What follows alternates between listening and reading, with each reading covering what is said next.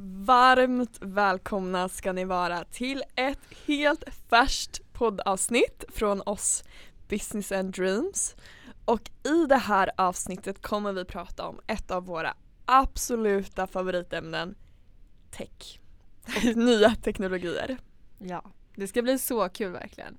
Vi tycker det är väldigt spännande. Vi jobbar ju med det på dagarna och det är även ett litet fritidsintresse. Så tech och, måste vi säga, jag tror du skulle säga personlig utveckling först så du skulle freestyla lite. för det är tech och personlig utveckling men idag är det tech vi ska prata Det om. skulle vi i och för sig kunna gå in på lite hur man kan kombinera AI Just och det. mental hälsa. Det gjorde du senast på ditt eh, lilla, din lilla panel. Exakt. Women in tech. Ja. Ja. men det är spännande. Det får vi göra ett annat poddavsnitt om kanske. Då. Eller om du vill droppa lite på slutet. Kanske. Vi får se. Cliffhanger. Ehm, så att det här avsnittet gör vi faktiskt samman, i samarbete med ett väldigt spännande bolag. Eh, så bolaget heter Gapwaves eh, och de är noterade på First North så där kan man också läsa på lite mer om dem. Men de är verksamma just inom tech och i två väldigt spännande branscher nämligen självkörande bilar och 5G. Ehm, och det som är så bra med dem är att de har en hållbarhetsaspekt i båda de här branscherna. Så att vi kan gå in bara först uh, främst på 5G lite kort. Och det innebär ju helt enkelt att det är nästa uppgradering. Så man har haft liksom 1G, 2G, 3G, 4G och 5G. Och det förnyas ungefär var tionde år. Och det som händer då är att eh, man får, den här gången kommer få mycket, mycket snabbare internet. Så i början kommer det vara 10-20 gånger snabbare och sen så kommer förmodligen bli ännu snabbare. Så att eh, det som är problemet dock är att det här kräver jättemycket energi. Och en sjukt fakta, jag vet inte om du vet om det Camilla eller ja, Mm. eh, de som lyssnar vet om det. Men det är att internet kräver idag mer energi, det är en större klimatbo än allt flyg tillsammans. Oj! Och det tror man inte, så att man sitter och Nej. streamar en film att det är liksom leder till Nej, det har man inte hört så mycket om tycker jag. Greta Thunberg får faktiskt uppmärksamma det tycker jag. Ja, vi får skicka ett. DM. DM, slide in Greta Thunbergs DM. Och, eh, så att, och det som är då att 5G, när det introduceras så kommer det krävas jättemycket extra energi. Eh, om man har sett det till exempel i Sydkorea, för Sydkorea är en av de första länderna i världen att ha 5G. Eh, eller en variant av 5G. Man har sett det upgraded 4G men det är typ 5G. Och då har man sett att alla börjar streama supermycket mer. Ehm, och det är samma sak med andra teknologier som vi får e-mail. Det är inte så att folk bara blir snabbare på att skicka brev och att det tar kortare tid utan man skickar faktiskt mer brev också. Så att när man får Mm. en ny effektiv teknologi så ökar också användningen. Och det är samma sak man har sett nu med 5G. Så hur som helst, det kommer krävas massa energi ehm, och Gapwaves då, de har utvecklat väldigt energieffektiva antenner. Vilket gör att energiåtgången minskar betydligt. Så, att, eh, så det är en väldig fördel då med Gapwaves teknologi som nu används inom 5G.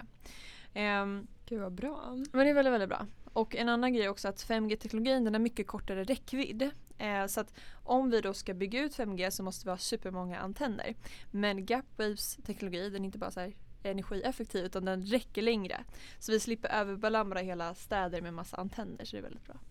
Och eh, sen sista då, eller den andra, är då självkörande bilar. Eh, och där är det 94% tror man idag, uppskattar man idag, eh, dör i trafiken på grund av mänskliga misstag. Så det kan vara att man typ skickar sms, man är trött eller vad det kan vara.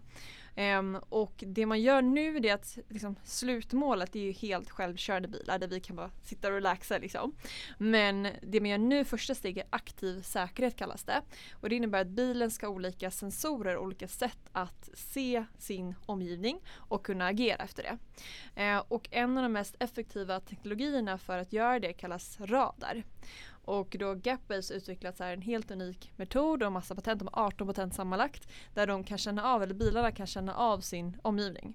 Eh, och det kommer nog leda förhoppningsvis till att många färre dör i trafiken. Gud så att, eh, jag älskar de två aspekterna och det är så coolt att de är verksamma i två olika väldigt spännande branscher, så framtidsbranscher. Men det innebär egentligen att då sitter det en människa i bilen men de får liksom hjälp på vägen. Exakt. Ja. Så att bilar nu, vi kan gå in på det mer sen, men bilar graderas 0 till 5 beroende på hur autonoma de är. Eh, och ett första steg är att så här, aktiv säkerhet. Att man sitter, man måste hålla koll och köra själv men bilen kan göra ganska mycket. Att de kan se att ja, men en fara uppstår och då kan någon rycka in i bilen. Ehm, så att det är väldigt spännande. Så det här bolaget finns på First North eh, och har gått väldigt bra och vi tror ja, vi, det här är inga rekommendationer ska vi säga först och främst. Det är en investering. Om man vill kika på det så är det liksom ens eget beslut.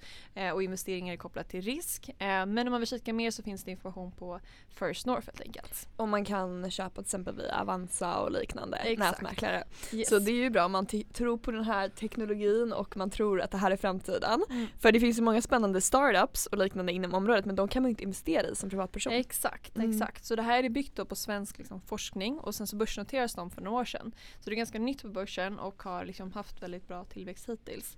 Eh, och om de lyckas så är det ju liksom chans att Sverige blir världsledande inom båda de här branscherna och det vore ju så himla häftigt. Så häftigt. Men om man är ny på 5G, Ja. hur kommer man märka av det här som privatperson?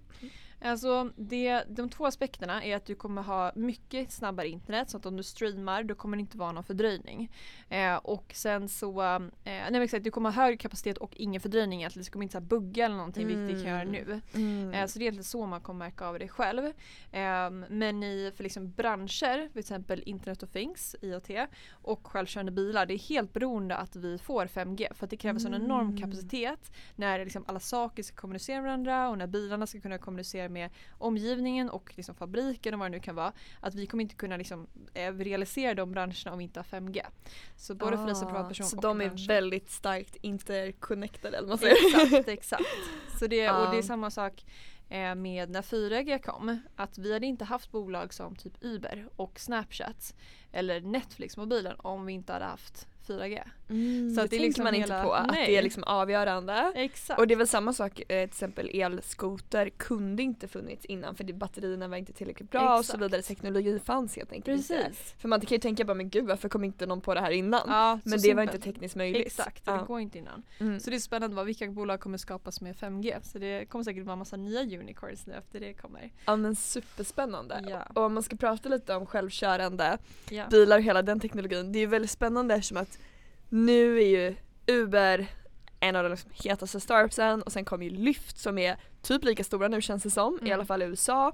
Även fast jag tror inte det finns i Sverige än vad jag vet. Nej faktiskt inte, det är Ehm, bara Uber av dem. Ja, helt- men det är ju superstort i bland Ja. annat USA för att Ja. där har de lagt sig lite lägre pris än Uber. Eh, så därför är det ganska lätt att konkurrera Ah. mot dem. Annars är de väldigt lika, jag har Mm. testat båda, gillar Ja. båda. Ah, okej. Ehm, och, ehm, och det som är intressant är ju att hur snabbt världen kan förändras, hur snabbt ett bolag som idag är modernt, liksom framåttänkande kan vara helt obsolet eller man säger. Ja. Alltså helt, förutsättningarna kan helt enkelt förändras och en sån grej är ju att det är en stor kostnad för Uber att ha förare. Ja, Det är i princip den största kostnaden. Ja. Så om något annat bolag klarar att ta bort den kostnaden exakt. då har ju Uber tappat sin eh, liksom, plats på tronen. Helt rätt, ja Mm. verkligen. Eh, och eh, och liksom, jag vet att både, eller Uber i alla fall vet jag, satsar jättemycket nu på självkörande bilar. Och om de lyckas vara först då kan de ha ganska rejäla marginaler för att marknadspriset är ju inkluderat en förare. Men om sen så Lyft kommer också ta bort sina förare då kommer ju man såklart marginalerna pressas ner igen. Men helt rätt, så det är det som verkligen majoriteten av kostnaden idag. Mm. Så förutom då säkerhetsaspekten att självkörande bilar räddar massa liv så förhoppningsvis ehm, så är det just att eh, kostnadsbesparingar. Och i Sverige så har vi bolaget Einride som har gått väldigt så bra för. spännande. Jättehäftigt verkligen. Och heads up att de har en kvinnlig grundare, Ja. Linnea, som är helt grym. Så jäkla grym. Och, eh, och de tog in en jättestor runda, en kvarts miljard nu i eh, höstas eh, från bland annat Equity Ventures och Norrsken. Eh, och det de gör det är just självkörande lastbilar. Och det, det finns jättestora eh, besparingar att göra där. Och som hon berättade senast, Linnea berättade senast vi träffades att det är en brist på lastbilschaufförer också i USA. Mm. Och jag trodde att det var ett jobb som många här, eller så här, jag hade ingen aning. Ja, är men det så? ja, tydligen brist där så det, det, ja, det behövs. det kanske tidigare var väldigt vanligt jobb och nu är det inte lika Ja. efterfrågat. Eller, eller Ja, inte lika exakt. mycket folk Exakt, som vill göra det. så Ja. det är liksom, ja precis, det är en flaskhals just med lastbilschaufförer. Så det är ju ungefär Men det skulle vara intressant om man liksom spolar framtiden. Mm. Att man tänker nu bara åh kan vi verkligen lita på, på tekniken? Ja. Alltså så här, tänk om, om den gör eh, liksom något fel och så. Ja. Ehm, men i framtiden att man liksom får sina barnbarn något bara säger så här Mormor, ehm, fick du köra bil? Alltså så här, hur gick det till? Jaha det var liksom röda ljus som sa till när du skulle stanna och bara Men gjorde folk det alltid? Nej inte alltid men Ja. ibland. Alltså så här, ehm, alltså just att man kanske kommer vända frågan till så här, kan vi verkligen lita på människor? Ja. Eh, när man idag frågar kan vi lita på tekniken? Ja. För i reality är ju redan nu tekniken många gånger mer säkrare än människor som kan Mm. vara trötta, kan vara fulla, kan vara bara slarviga. Mm. Alltså allt kan ju hända, det känner jag själv när jag åker bil. Jag bara gud hur får människor ens köra de här maskinerna i så snabb fart och allting. Typ direkt efter man får körkort man bara alltså vet folk om att jag liksom, jag har inte suttit så mycket i en bil. Jag håller helt med. Om man typ antar när man går att alla är så här, alla stannar på Ja. övergångsställen och de ser en och eh, men det är faktiskt ganska sjukt. Verkligen. Och det är så kul också själva ordet självkörande bilar. Att jag tror att i framtiden kommer det vara jag menar, det kommer låta konstigt för jag såg liknande att när bilar kom och det innan fanns liksom vagn och häst då sa man tror jag hästlösa vagnar. och nu kör vi, nu är det samma skifte att förarlösa bilar. Så att eh, så det kommer vara lika ålderdomligt att säga självkörande bilar som det var hästlösa vagnar tidigare. Men jag håller helt med. Så att eh, det är helt galet att folk får sitta och liksom inte bara ens egen säkerhet utan liksom hela ens omgivning. Och ehm, jag läste någon undersökning att just nu så ett största liksom hinder varför många inte vill åka en självkörande bil det är just att det känns läskigt att man lämnar allt liksom ansvar åt en maskin.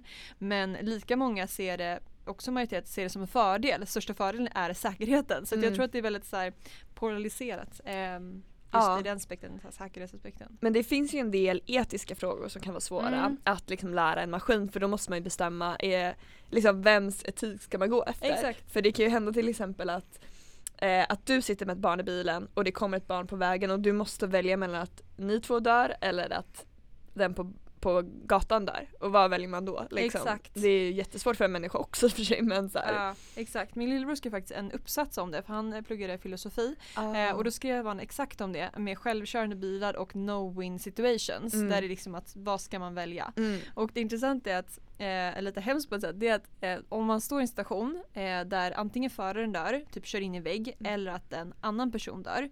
Då vill de flesta att bilen konstrueras så att föraren dör. Men en följdfråga, skulle du själv köra en sån bil? Aldrig. Nej. så, det är så himla sjukt. Så att det är så här, säkerheten... Varför vill man att den i föraren ska dö? Att det, att det ska vara så? Jag vet inte, det är också intressant. Antar för att man inte vill gå runt i ett samhälle där... Där... Där de- Jag vet inte. Ja, Nej men det är en bra okej. fråga. Det är en bra fråga. Men det kanske är bara Det beror lite på situa- situation och så. Ja. Ehm, men det som är intressant tycker jag också är att man tänker så här, oh det här är så nytt och modernt och wow. Men samtidigt flyg Mm. är i princip automatiskt, vad jag förstår det som, Ja. väldigt mycket automatiserat. Ja. Man tänker att piloten sitter där och gör sitt jobb men mycket av det är ju inte piloten som, eh, som gör allting. Nej, exakt. så redan idag har vi i princip då självkörande Ja. flygplan men man har liksom inte gått ut med det lika Nej. mycket. Man har, Media alltså så det har liksom inte blivit en grej bara Nej. wow nu har vi självkörande flygplan. När hände det? Ehm, Ingen sa något? Nej det liksom hände lite bakom kulisserna känner jag. Ja, verkligen. Men sen var det här, det kom för två år sedan, så var det att Uber, de testade ett, en av sina bilar eh, ute på gatorna och sen så var den, jag tror det var mörkt eller någonting, eller bilen upptäckte i alla fall inte en fotgängare och körde på, eh, det var en kvinna, så körde på kvinnan och så, som dog Mm. till följd. Och det blev så extremt uppmärksammat så att folk bara hur mycket kan vi egentligen lita på självkörande bilar? Mm. Men den andra sidan är det så här, okej, eh, hur vanligt hade det varit? Alltså först och främst så är inte bilarna helt utvecklade på den liksom självkörande delen. Och sen så ett dödsfall gentemot 1,25 miljoner som sker varje år. Det får så oproportionerligt kanske Mm. mycket uppmärksamhet i media när det är en maskin som Mm. gör någonting, så här, ny teknik. Men såklart oerhört sorgligt men eh, Men nu, det- det sker så mycket olyckor med bilar så det får ju knappt uppmärksamhet. det är Alltså när ett 300 varje år i Sverige som dör. Ja. Alltså, så här, vilka är det? Det är så sjukt att vi bara tar det för givet. Alltså, Ja, medans flyg om det händer någonting där Mm. eller en helikopter då blir det så stor grej för att det är ovanligare och Mm. att människan naturligt sett är mer rädd för höjder. Ja, Även det. om man brukar ju säga så att det är farligare bilvägen till flygplatsen än själva Mm. flygresan vilket Just människan det. har ju svårt att förstå liksom. Ja. Men, ehm, men eh, ska vi gå in lite, vad mer finns det för spännande inom AI då? Inom AI, vad tycker du? You say. Nej, men- You say. Nej men det finns ju det finns ju väldigt mycket spännande och om jag ska bara nämna jättekort kring mental hälsa så är det ju eh, just, visste det. men just chattbottar Mm. eh, bland annat Ehm, och även att AI kan analysera röst. Ehm, så att man i framtiden kanske istället för att ha en psyki- psykiatriker Mm. som ska bedöma vad du har för diagnos så kan AI analysera eh, ja men beroende på så subtila förändringar i röstläget. Till exempel om du pratar monotont kan det vara Mm. tecken på depression och liknande. Så det är lite spännande. Gud. Mm. Och det är mycket högre liksom, eh, korrekt grad än vad, vad heter det? Ja, Ja. just nu är det väl typ samma då. Ja. Eh, men i framtiden tänker man ju då att den kan ja, samla in ännu mer data och hitta de här ännu mer subtila ja. eh, tecknen än en människa kan göra. Men det känns som att det är det folk är mest arga på med sjukvården. Så att man hör ju grejer som att ah, jag hade cancer men läkaren bara nej du har lite huvudvärk, gå Mm. hem. Så att jag tror att eh, förtroendet för eh, sjukvården kanske ökar när man Mm. inför AI. Eh, för att de kan eh, i liksom högre grad ställa korrekta diagnoser. Så att till exempel att man är deprimerad så bara nej men ryck upp dig typ. eh, så får man liksom inte den hjälp man ska ha. Eh, Mm. Det är hemskt att det är så idag. Men drömmen har ju varit i framtiden om man kan ha en sjukvård som inte bara säger och kan detektera när man har någonting Mm. utan även se när någonting är på väg. Mm. För idag är vi inte så bra på den biten. Exakt. Att så här, det kan vara för sent många gånger. Ja. Ehm, och just att kunna liksom förutspå lite bättre vad som håller på att hända i kroppen. Det hade varit väldigt häftigt Men om tekniken hjälper oss med. Jag såg någon så här, ehm, jag vet att du har gjort det, Wear Lab, så att man Mm. kan mäta sina värden. Jag Ja. tycker sånt är så spännande. Ja, Men så tänker jag så här, vad sjukt att idag, i framtiden kanske det är en självklarhet att du har stenkoll. Så här, du har typ, som att man kan se på sin iPhone hur många steg man gått bra så kan Ja. man se sina exakta värden. För att Ja. man har kanske detektorer i kroppen som kan mäta. exakt. Alltså jag, att det är sjukt att man har ingen aning nu bara, jag vet inte min hälsa, jag kanske har massa vitaminbrister och så här. Ja exakt, Nej, men så jag gjorde ju Wear Lab som Mm. är typ ett medtech startup där man beställer hem ett blodprov. Och det gjorde jag då för att jag hade bör- börjat äta um, vegetariskt slash Mm. veganskt. Mm. ehm, och ville kolla på att mina värden var bra, eh, speciellt eftersom att um, ja, men se till man får i sig allting, B12 är ju det viktiga att lägga till och det hade jag gjort. Och eh, ja, så det Hur var blev resultatet? Jo men det blev bra, absolut. Så det, jag ville bara dubbelchecka det att liksom att det är som det ska. Eh, så det kan jag rekommendera om man undrar lite över det. Eh, men eh, apropå det, veganism och Vegan, eh, ja, kommer det är ju på det. faktiskt ditt passion Ja. subject. Så från mitt till ditt. Från till ditt. Ja. Tell us more. Berätta Ja. lite din historia. My story. Nej men jag, ehm, det, jag minns där när jag blev vegetarian. Det var när jag var, jag tror jag var kanske, alltså det var innan första klass. Det var då jag bad eh, lärarna så här, jag vill inte äta kött längre i skolan. Och de bara, nej det kommer, du kommer få proteinbrist, det kommer dö. Men eh, så det var typ runt, ja men så här, sju år kanske. Ehm, och då, jag har faktiskt kvar den dagboken, då började jag typ argumentera med mig själv. För, jag, för att jag ville bli veterinär på den tiden så jag hade väldigt stor passion för djur. Och sen insåg jag att det var lite märkligt att jag åt upp djuren samtidigt. alltså de djuren jag ville ta hand om. Nej men det var lite, det är lite så. Och, eh, eh, och då började jag argumentera med mig själv i dagboken, typ så här, pl- plus och minus, lite varför jag har rätt att göra det men samtidigt typ mottag, jag är lite schizofren i dagboken helt enkelt. Ehm, och då så, um, så sa jag så här, jag kommer att jag skrev men krokodiler äter ju upp andra djur, då kan jag väl jag också göra det. Och så skrev jag samtidigt så här, men fast krokodiler har ingen egen vilja, de kan liksom inte veta att de, de bara gör det. Medan vi människor kan ju välja mellan ja, vegetariskt eller kött.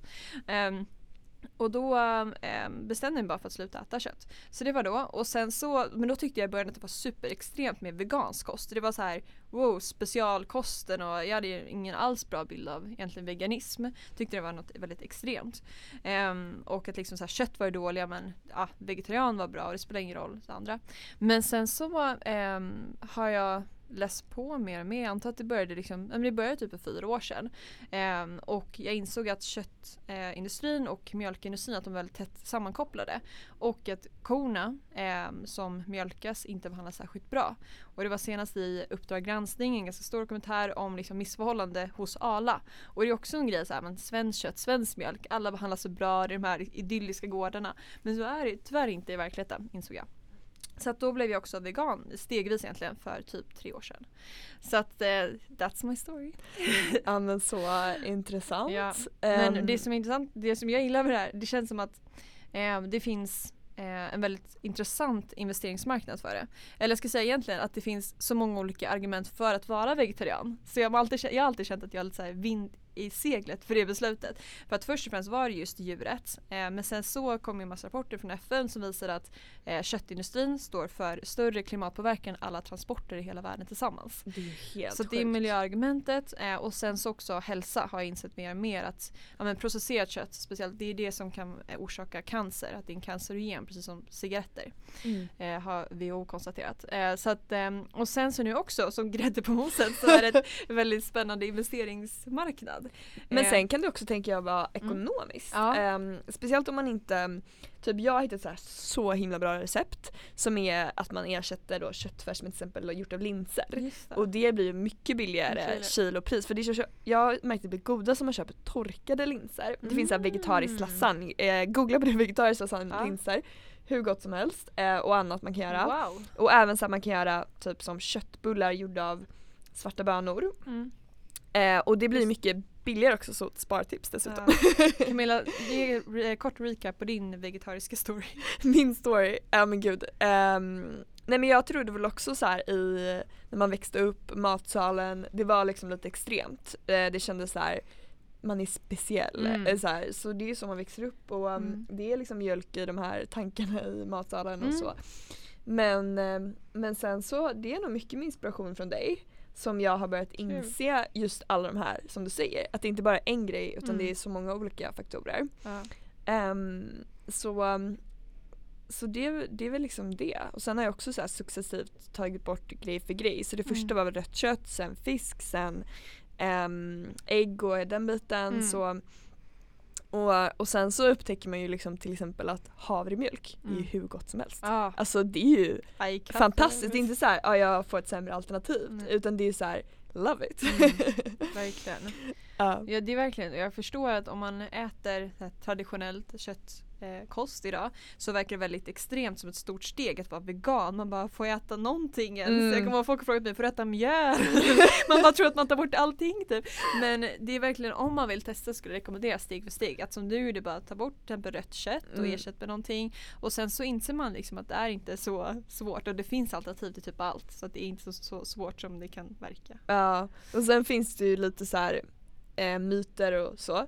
Eh, och vi kanske säger lite så här kontroversiella åsikter nu men eh, vi har inte pratat så mycket om det här ämnet men nu ska vi göra det framförallt framförallt investerings och vilka innovationsmöjligheter finns inom Ja. området. Men jag kan nog slänga in det att det var ett ganska roligt citat tycker jag, en dokumentär på Netflix där de sa så här en av världens starkaste män och sa så här, hur har du blivit så stark utan att äta liksom, protein och kött? Eh, hur har du blivit stark som en oxe? Och han bara, men har, har du någon gång sett en oxe äta kött? Mm, det så det är lite roligt just det här att man faktiskt inte behöver äta Mm. animaliskt kött för att bygga muskler. Nej. Och den filmen, vad heter den nu igen som du ehm, Var det, eh, just det, Game Changers. Game eller Changer, något just det. Ja. Det finns den sen What the Health också. De två är väldigt bra på Netflix om man vill eh, lära sig mer om vegetarisk kost. Men Mm. för att gå in på då investeringsmöjligheterna. Så att vi kan ta först och främst det du nämnde med eh, havremjölk. Mm. Och det växer ju jättemycket. Nu vet jag att Arla som har liksom gjort narr av Oatly hela tiden, de ska börja med en havremjölk. Det är så sjukt. det är så galet. Och de är ju Men samtidigt kul samtidigt kul. att de Så ger efter efter trenden. Eller hur? Så att de är ju mobbat Oatly för att de har brölk eller vad det kallas. Björk. Björk. Ja, eller var det inte björk? Ja, något. Nej fast björk är ju som Ja, träd. just det. Var det verkligen det? Det kan inte vara Björk? björk. Nej. Björk var det. Björk. Var det det? Björk. Okej. Ja, jag tror det. Och eh, så var det så för Oatly varumärkesskyddade det namnet. Så. Och de tyckte det var superbra namn och alla blev arga. Men eh, ja, så att och Oatly, de är ju extremt coola. Det är faktiskt ett, ett, ett av de bolag i Sverige som vi borde vara mest stolta över. Så de omsatte under 2018 över 800 miljoner kronor. Och de har en extremt stark tillväxt. Så snart kommer rapporten för 2019. Jag tror att de passerade miljardvallen där. Så det ska bli spännande att se. Det är ju väldigt häftigt och de har vuxit så snabbt de senaste åren. Ja, och även internationellt som är superkul. Eh, de grundades dock vad jag förstår på 80-talet Ja. så de har funnits länge Ja. men nu har ju de en rakettillväxt Ja. hittills sett och framför sig. Tror jag. Ja, verkligen. Ehm, så det är väldigt spännande bolag. Ehm, så att liksom marknaden för växtbaserad mjölk den växer väldigt snabbt. Jag ser siffror på 14% per år. Så det är supersnabbt. Ehm, och om man vill veta liksom vad som är snabbt så skulle jag säga att man kan ju studera hur ekonomin går annars. Och man brukar säga att en tillväxt på 2% per år är ungefär normalt för eh, europeiska länder. Så att eh, branscher som växer liksom mer än det och gärna över 10% de växer väldigt väldigt fort. Jag tror e-handel växer med 20% per år. Tror jag. har. Ja, mm. Det är, det är ett bra område. I Equity, en investeringsfirma Mm. som, eh, som investerar där så det verkar gå bra för dem. Verkligen, så det är smart att välja en bransch som Ja. går bra att investera i. Exakt. För då är det stor chans att bolagen som, är, som går bra inom branschen kommer växa mycket. Ja men precis. Så att om, Mm. man, om man är i en bransch där växer 14% per år och bolaget växer 14% per år då är det i normaltakt. Mm. Men, om man är, men det är jättesnabbt eh, objektivt sett eller Mm. utifrån sett. Så. Mm. Eh, men om man går in på kött då, så är det så att det kommer fler och fler bolag som ersätter köttet med ja, köttsubstitut. Eh, och ett av de mest kända internationellt sett det är ju Beyond Meat. Du har testat det eller hur? Ja, Ja. alltså det finns ju till och med på lilla Coop Ja, nära det. mig Ja. så det är verkligen distribuerat ut bra kan Kul. man säga. Jag blev helt chockad, det finns en sån här närbutik liksom. Wow. Eh, men alltså mindblowing att det smakar så likt kött. Jag har ju ätit alltså ganska många olika typer av eh, så här, veganska hamburgare mm. och det, var, det har varit tillfällen då jag har liksom bara eh, skickat tillbaka den för jag bara jag tror du råkar få kött här. Så bara nej. Ah. De bara nej det, Gud, det, är det är liksom Det där är som en reklam. Ja och det är så häftigt man har lyckats eh, skapa det. Ja. Alltså det är verkligen, eh, det har ju verkligen skett en sån utveckling på det området. När vi var Mm. små fanns ju inte det. Nej, då var det ju bara, du gillar linser men då var det bara sådana här traditionella vegetariska grejer. Men nu behöver man ju knappt märka av att man är vegetarian Ja. om man går över. Eh, men så att eh, Beyond Meat då, de hade en av de bästa eh, börsintroduktionerna under förra året. Vilket är helt sjukt av alla bolag, alla liksom techbolag och så här så var det den IPOn som gick bäst. Jag vet. Så den gick upp från marknadsvärde på 1,5 miljarder dollar till 14 miljarder dollar. Och sen så sjönk den tillbaka men till 7 miljarder så det är fortfarande från 1,5 till 7 så det är en jätteökning. Och det som är intressant är att marknaden växer jättefort för växtbaserat eller substitut, köttsubstitut. Men det är också att den är så enorm, alltså marknaden man kan disrupta är så stor. Så att om man kollar marknaden för till exempel musik där Spotify är verksamt som bara den ses som enorm så är den värd 20 miljarder dollar. Marknaden för kött är värd 50 gånger mer. Det är helt sjukt. Marknaden för ost är värd 5 gånger mer. Så att bara marknaden för ost inom liksom animaliska produkter är värd 5 gånger mer än musikmarknaden. Nej men gud. Så det är helt galet. Ehm, så det är köttmarknaden väger då 1000 miljarder dollar. Ehm, och nu är det väldigt intressant för att bolag som Northzone bland annat, som är då en, svensk, eh, en av de liksom mest främsta svenska investeringsfirmorna. De har investerat i ett bolag som gör vegetabilisk ost. Eh, Nocco heter bolaget. Så att, och de skrev också det att om man bara kan ta en liten del av den här marknaden eh, som är värd då 100 miljarder dollar, fem gånger större musikmarknaden så finns det ju jättemycket pengar att tjäna. Ja, för det känns lite som det är framtiden för ost är väl den man inte, Ja. som är, ligger liksom mest i bakkant Ja. om man tänker hur bra substituten är. För mjölk är ju hur bra som helst. Ja. Grädde, eh, crème fraîche, Ja. jag älskar den eh, från Oatly. Ja, ja. alltså den är ju fräschare också. alltså den känns fräschare. No puns Eh, ja med kött så här. Så alla de har ju lyckats väldigt bra. Men Ja. osten den ligger ju lite efter så det finns ju väldigt mycket potential i den marknaden. Verkligen. Det ska bli spännande att se om de kan lyckas imitera det också. Precis som Mm. de gjort på andra delar. Mm. Men nej, så där, det är jättekul. Jättespännande verkligen. Så där finns det. Jag, det finns ett annat bolag som heter Impossible Foods som är typ som Beyond Meat. Eh, jag trodde att de skulle börsintroducera sig 2020. Eller de sa att de skulle göra det. Men de har fördröjt planerna. Men det är ett bolag man kan hålla koll på. Eh, och Bill Gates har faktiskt investerat i båda de här bolagen. Eh, och Leonardo. DiCaprio har investerat i Beyond Meat tror jag. Men så det är många så kända profiler som har gått in i bolagen. Superkul. Ehm, ja, har vi sagt nog om eh, den här marknaden eller? Let's go to something different. Yay. Jag tycker vi pratar om solenergi. Exakt. The sun. We all love the sun. Simpelt, det är det vi ska säga. Vi gillar solen helt enkelt. Eh, Vad händer på den fronten? Ja, För vi behöver ju lite nya energikällor i världen Mm. för att lösa Greta Thunberg told us. Så yes. Love love- her. love her faktiskt. Vi har lyft fram henne typ tre gånger i Bliss and Dreams. Nej men hon är, jag tror faktiskt att hon är den mest inspirerande kvinnliga ledaren i Mm. modern tid. Mm. Vad är det som gör henne så inspirerande? Jag tror att det är att hon sätter the cause first. Ja. Alltså det märks att hon har inget ego, hon Nej. gör inte det här för någon annan, annan anledning än att hon bryr sig om den här frågan. Och det är så extremt genuint, känns som. Och hon presenterar det på ett så himla bra sätt så det är enkelt att ta till sig. Mm. Ehm, hon liksom får människor att förstå eh, och, eh, och hon liksom lyckas ju få med sig så stora massor. Ja. Och det är verkligen, alltså hon är verkligen en true leader. Ja. Det är så himla häftigt. Mm. Och det tänker många som har försökt få fram det här Ja. budskapet. Ja, Och så kommer hon, 16-årig tjej och bara det är så häftigt för att det är, liksom, det är någonting alla visste om. mm. Men det är inte uttjatat när det kommer Nej. från henne. Så det är så här, det är sånt bevis också på att alla kan förändra världen. Ja. Alltså, det behövs en person Mm. med en passion Mm. eh, och att liksom våga nå ut och, och göra, liksom, göra avtryck så kan man göra det. ja. Mm. Nej, så himla häftigt. Ehm, nej men så som hon säger då Greta så behöver vi ställa om från fossila bränslen till förnybara energikällor. Så vi måste gå ifrån att elda kol och olja eh, som ökar då koldioxidmängden i atmosfären till att gå över till förnybara källor som då inte ger något eh, netto av eh, koldioxid. Ehm, och det som är så sjukt är att solen ger så mycket energi så att jag läste en siffra att på en timme så får vi lika mycket, eller träffar eh, vet du jorden, träffas jorden av lika mycket solenergi på en timme som vi använder under ett helt år. Oj. Så att om vi hade liksom haft solpaneler över hela jorden och lyckats ta in allting så hade vi på en timme fått all energi klart. Så energin finns där så utmaningen är Exakt. att liksom ta vara på den. Ja, exakt. Så att ett av de nu liksom snabbast växande sätten att ta tillvara energin det är en eh, teknik som kallas fotovoltaik. Och det innebär att du omvandlar då eh, fotoner som är eh, solens energi till elektroner som är då elektricitet. Och det som varit utmaningen är att man inte haft så hög effektivitet. Så att på, det uppfanns faktiskt på 1800-talet redan, så det är ganska gammal teknik. Men det problemet var då att bara ungefär 1% av all energi som träffades på den här solcellen, fotovoltaikcellen, eh, omvandlas då till elektricitet.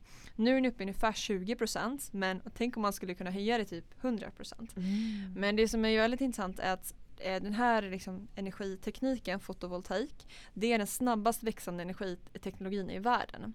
Så det ökar, såg jag från 2002, med 48% per år. Alltså jag har aldrig hört om någon så snabb liksom, tillväxt Så typ marknad. jämfört med då vind och äh, Ex- andra i vatten? Ja, typ. alla Ja. energiteknik, precis. Då ja. ökar det exakt snabbast av alla. Oj. Och eh, så att det man Så tror- här finns det mest hopp då? Här finns det jäkligt mycket hopp. jäkligt mycket hopp.